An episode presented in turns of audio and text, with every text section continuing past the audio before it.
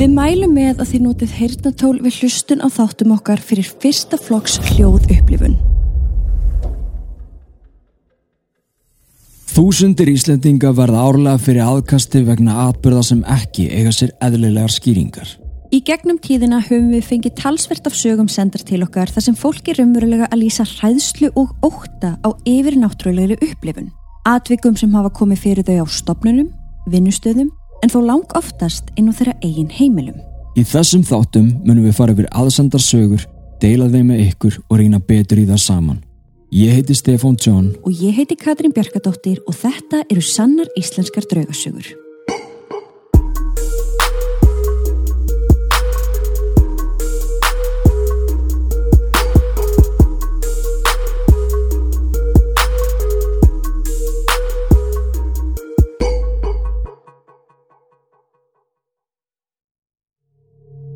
Við viljum minna á að draugasögurnar okkar eru ekki við hæfi barna nema með leifi fullorðina og með því hefjum við sögu dagsins.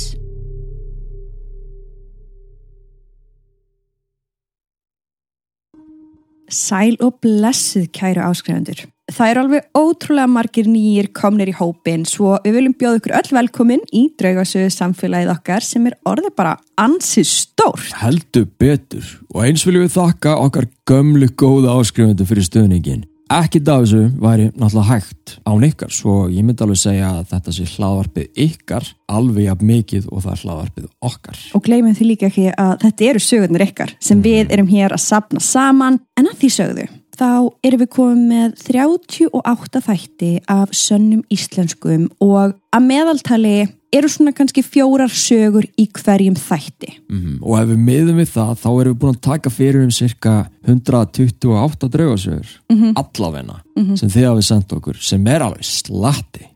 En við þurfum samt fleiri til þess að geta haldið áfram með þetta hlaðvarp og þessa áskrifta leið. Já. Við vissum vel þegar við byrjuðum með þessa áskrifta leið að hún myndi á einhverjum tímapunkti enda.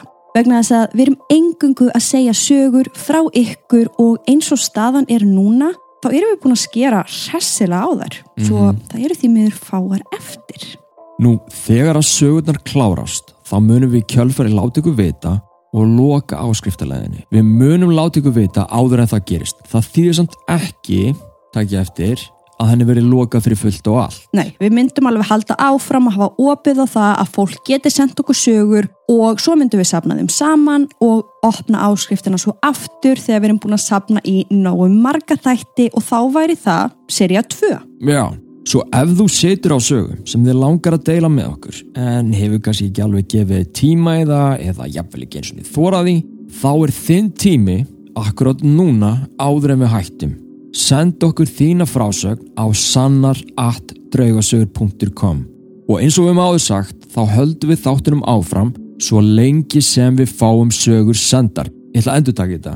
Svo lengi sem við fáum sögur sendar En við vildum samt láta ykkur vita af þessu að staðan væri núna svona og það var alveg við því að búast. Við vorum alveg undirbúin undir það. Þegar að sögurnar klárast þá förum við í smá pásu, söpnum fleiri sögum fyrir seríu 2. Þannig endilega, endurtökum, sendið okkur sögur.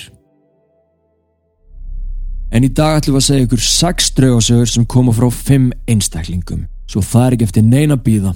Komið ykkur fyrir og hlustið alveg ekstra vel.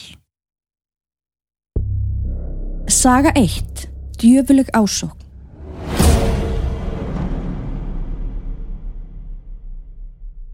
Við viljum vara við sérstaklega þessari sögu en minnstir á kynferðslega lýsingar sem að gætu verið óþægilar fyrir söma. Ég átti kærasta sem var á sínum tíma undir miklu álægi. Hann var að gangi gegnum erfileika tengt börnunum sínum, vinnunni, fyrirtækinu, húsnæðismálum og alls konar leiðendum innan fjölskylduna sinnar. Hann var farin að drekka mikið á þessum tíma og ég dætt svo litið í sama pakka með honum. Orkan var oft sveiflukend, tens og leiðinleg af álægi og streitu úr öllum áttum. Allar þessar neikvæðu tilfinningar voru orðnar svo litið yfirþyrmandi eða yfirráðandi og erfitt að sjá lausnir á málunum á þessum tímapunkti. Eitt kvöldið fórum við út að skemmt okkur og það var alveg gaman í byrjun kvöldsins. Þánga til á skemmtistæðnum byrjaði hann að vera óeðlilega mikið afbríðisamur og reynlega dónalegur af yngri ástæðu. Við förum heim frekar snemma og ég fyrir fljótlega bara í háttin. Hann situr áfram frammi og hellir í sig. Heyra eiginlega ekkit í honum, en fannst hann jafnvel óeðlilega þögull og hljóðlátur miða við vanalega.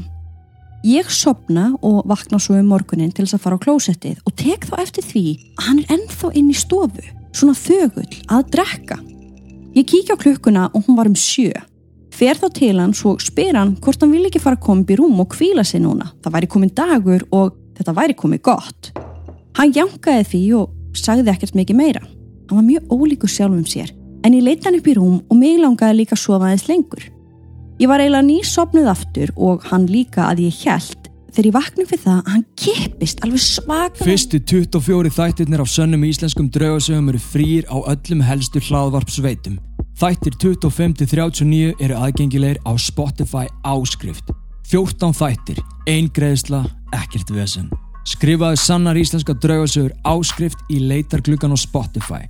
Smelt á lásin við hvað þátt sem er og síðan á Get Access og þú ert komin inn. Setjum hlekk til að gera þetta enn auðveldara hér í show notes. Það er ekki eftir neina býða. Þú verður að vita hvernig þátturinn endar.